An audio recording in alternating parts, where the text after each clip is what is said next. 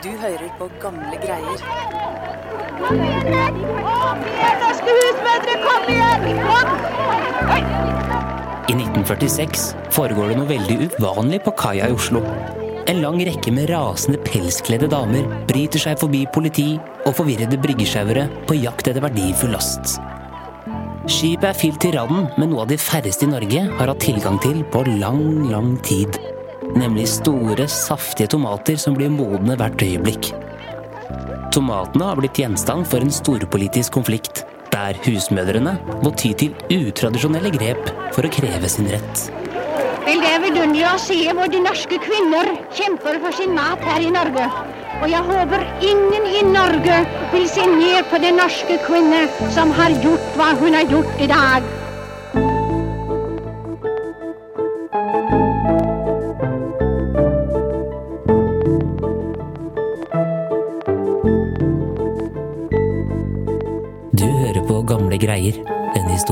Historiepodkast fra Nasjonalbiblioteket. Jeg heter Lars Hammeren Risberg.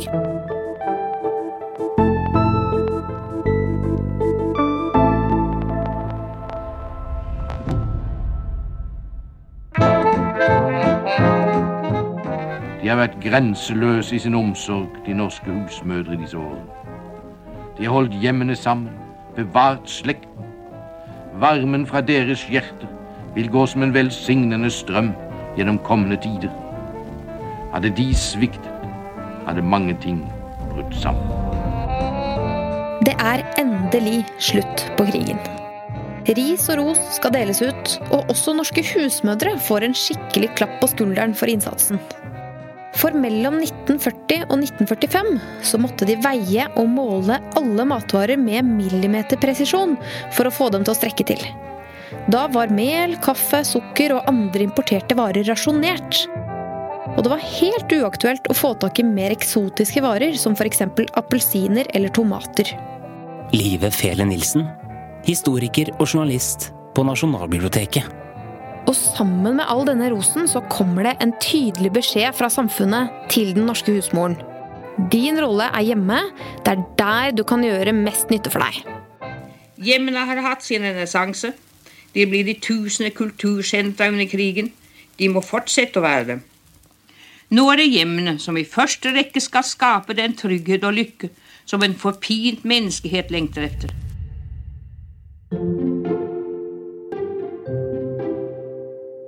På denne tiden så ser samfunnet på husmoren som bærebjelken i kjernefamilien. Og kjernefamilien spiller en helt sentral rolle i gjenoppbyggingen av landet etter krigen. Så myndighetene har en spesiell plan for husmødrene etter krigen. Ja. Det er rett og slett et politisk ønske at kvinnen skal være hjemme og sørge for å oppdra friske, sunne samfunnsborgere og holde skattebetalerne, altså mennene, mette og fornøyde. Og norske kvinner, de blir hjemme. Flere enn noen gang tidligere. Det å være husmor er et yrke, og det å være mor et kall. Så når utenlandske varer sakte, men sikkert kommer tilbake i butikkhyllene, så står det lange køer av husmødre utenfor som alle håper å kunne overraske familien med noe godt når de kommer hjem. Kanskje noen tomater eller til og med en appelsin. Men det er langt mellom skipene, og de få varene som kommer er veldig ettertraktet.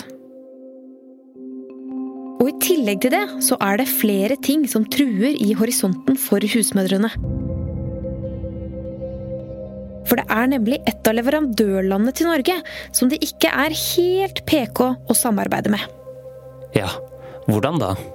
Jo, altså, i motsetning til Norge så er ikke Spania kvitt fascismen. Der er det nemlig fortsatt diktatoren Franco som styrer med jernhånd.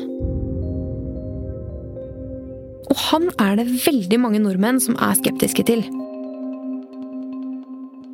For det første så har jo Norge selv opplevd fascistisk diktatur under naziokkupasjonen, og er luta lei det opplegget der. Og for det andre så er det en del nordmenn som husker grusomhetene fra den spanske borgerkrigen som brøt ut i 1936, da mange nordmenn dro for å kjempe mot Franco.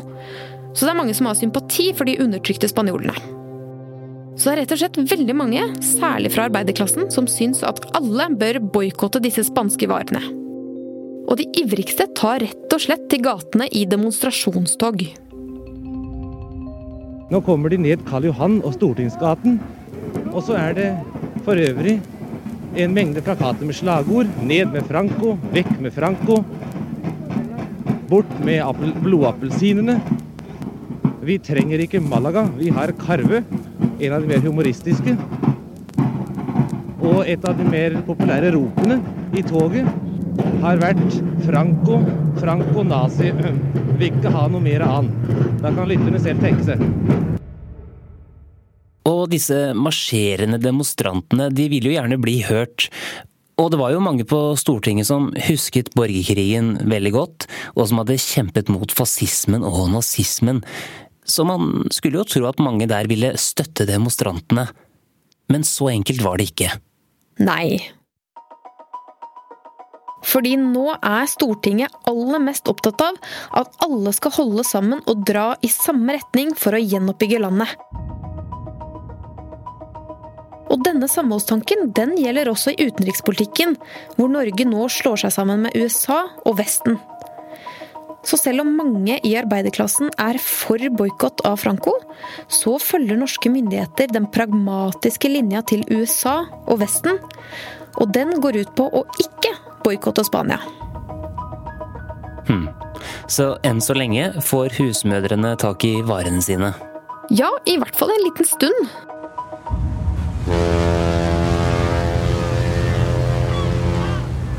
Helt fram til en mandag i slutten av mars 1946.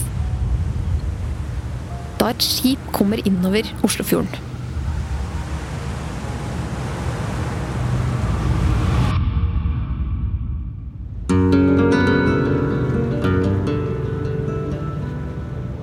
Skipet heter DS Dicto og kommer helt fra de spanske Kanariøyene.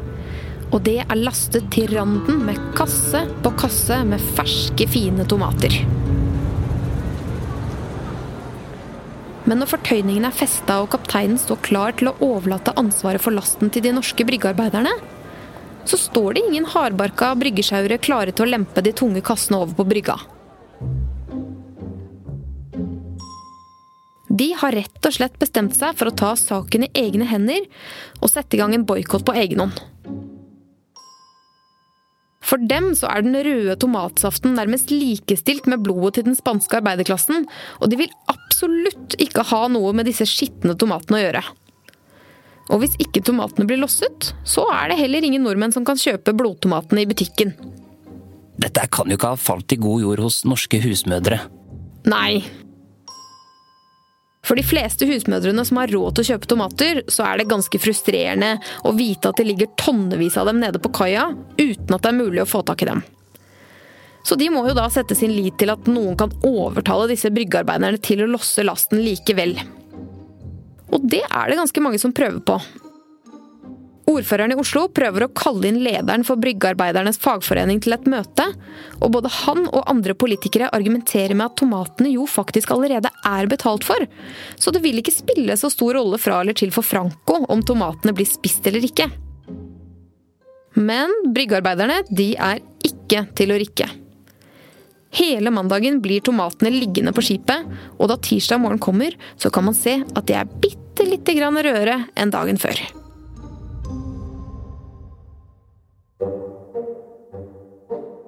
Tirsdag 19. mars har hele Norge fått med seg at tomatlasten fra Kanariøyene ligger nede på Filipstadkaia. Og nå er det mange som engasjerer seg.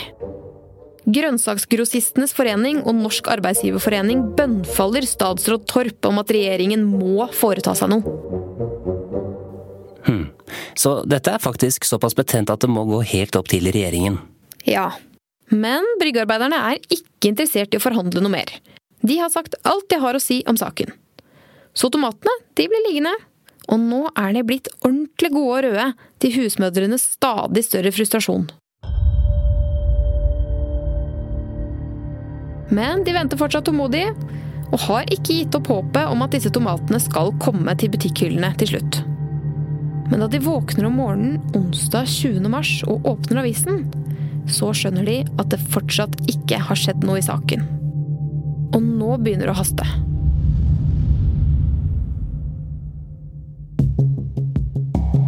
For kapteinen på DS Dikto har andre varer i lasten enn bare tomater.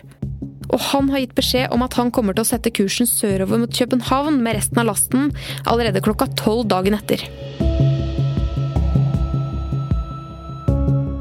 Dette er den store saken i Oslo hele onsdagen. VG bestemmer seg for å skrive en stor reportasje om disse tomatene, og journalisten går ut på gata og spør forbipasserende om hva de syns om det. Og for én gangs skyld så får en husmor komme til orde i avisene. VG torsdag 21.3.1946. Gjør ingen andre det, synes jeg vi husmødre kunne få gå ned til båten og hente dem selv. De er mektig lei av å vente på at noe skal skje. Og nå er de redde for at båten skal dra av gårde med de modne tomatene de har venta sånn på. Og tanken på at de selv kan gjøre noe, begynner å spre seg blant husmødrene i Oslo.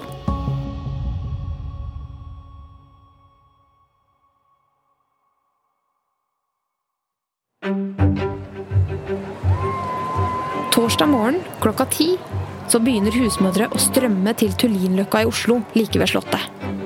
Jungeltelegrafen har gått om et møte og et mulig demonstrasjonstog. Og snart strømmer flere hundre husmødre til på plassen.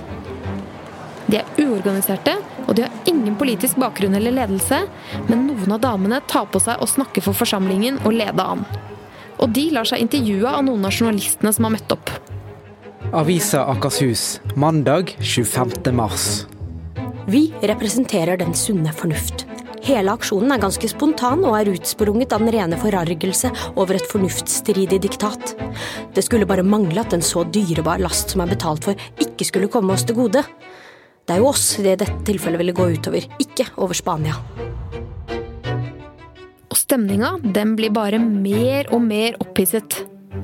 Flere av kvinnene bærer protestskilt og plakater. Hva står på plakatene? Ulike varianter av 'Vi vil ha tomatene' og en del andre kreative slagord, sånn som f.eks.: Er vi kommet fra nazidiktatur til bryggediktatur? Vi vil ikke bo i et mannfolkstyrt Molboland, f.eks. Og hvem styrer landet? Stortinget eller lassearbeiderne? Og ganske nøyaktig klokka 11 så setter husmødrene seg i bevegelse. Ned til Stortinget bærer det, og der går et par av lederne for gruppa fram til inngangsdøra og blir møtt av stortingspresident Nattvig Pedersen. De overrekker han en resolusjon med sin offisielle protest, som Nattvig Pedersen da umiddelbart sender videre til regjeringen. Men damene de er lei av å vente nå. De har ikke tenkt å stå pent og vente og se om regjeringen responderer. De bestemmer seg rett og slett for å ta turen ned på Filipstadkaia og se hva de kan gjøre med situasjonen selv. Kom igjen, norske husmødre, kom igjen! Kom!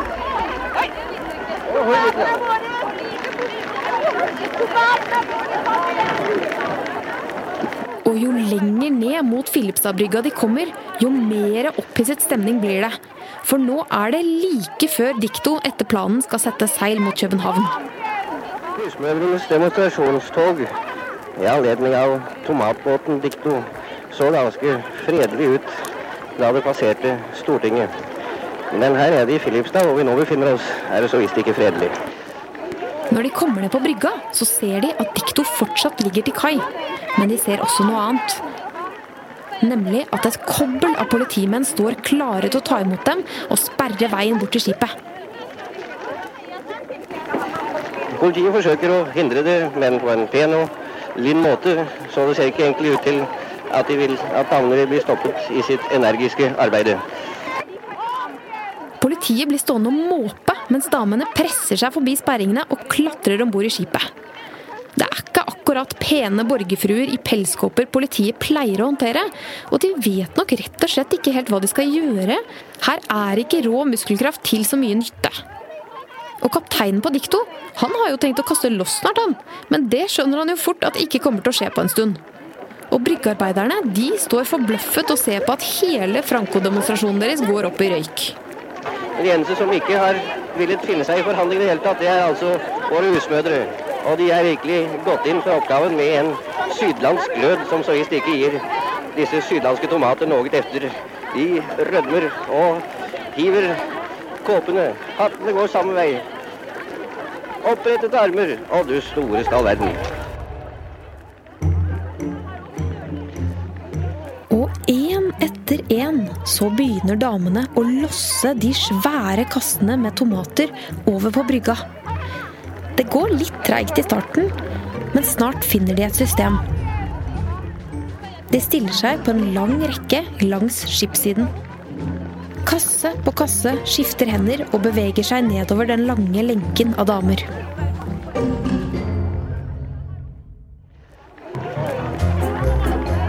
Damene er damer mangler fra skipssiden og bort til de store lastehusene. Og nå går hundrevis og atter hundrevis av tomatkasser stabler seg nå opp. Og det er bare damene som arbeider. Nå har folk fra hele byen fått med seg oppstyret, og de kommer strømmende til for å se det merkelige som er i ferd med å skje nede på brygga. Det er ikke godt å si hvor mange mennesker som omsider er kommet her ned. Det har jo naturligvis blitt ikke så få skuelystne etter hvert. Men uh, jeg tenker at det er en 10 000 mennesker her nå, alt i alt. Og av det er det vel, ja, skal vi si omtrent 5000 husmødre som uh, hver eneste en er med og låser. Både politiet og havnearbeiderne prøver halvhjertet å hindre damene i å stable tomatkassene inn i lastehusene. Men det nytter ikke. For husmødrene enser dem ikke. De er så opptatt av det de holder på med, at de knapt nok har tid til å svare journalistene som har møtt opp. Det kunne være fristende å spørre noen av damene hva de mener om utviklingen av saken, men jeg tror ikke det er verdt å forstyrre, for de har det så travelt. Nei, her må de ikke forstyrre oss. Her må de ikke forstyrre, nei. Bare én ting får damene til å stoppe opp et lite øyeblikk. De får høre at et par av kassene faktisk ikke er ment for Norge, men for Sverige. Og da roper de langsmed hele kjeden for å stoppe opp arbeidet og finne ut av hvilke kasser det er, sånn at de kan lempe dem om bord i båten igjen. Ja, og rett skal jo være rett. Ja, Husmødrene vet du, de har orden i sysakene, og de har ikke tenkt å la demonstrasjonen gå over i kaos.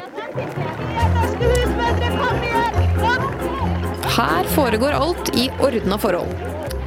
Og de svenske tomatene er snart om bord i båten igjen.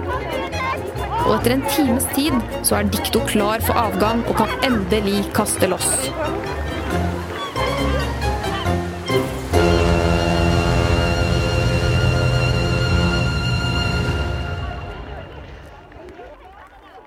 Og igjen på kaia står noen tusen andpustne damer og 125 tonn med røde, friske og saftige tomater.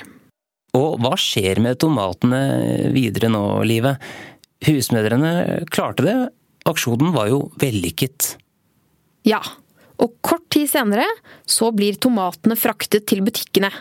Og da kan husmødrene, sikkert med fliser i pelskoppene og rifter i hattene, stille seg pent og pyntelig i kø utenfor butikken i påvente av å få kjøpe spanske tomater.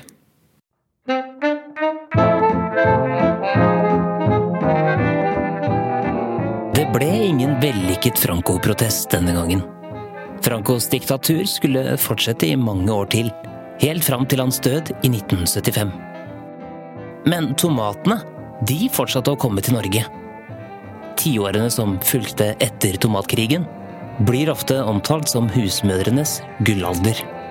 Og den varte fram til en ny kvinnebevegelse tok et oppgjør med de tradisjonelle kjønnsrollene på 1960- og 70-tallet.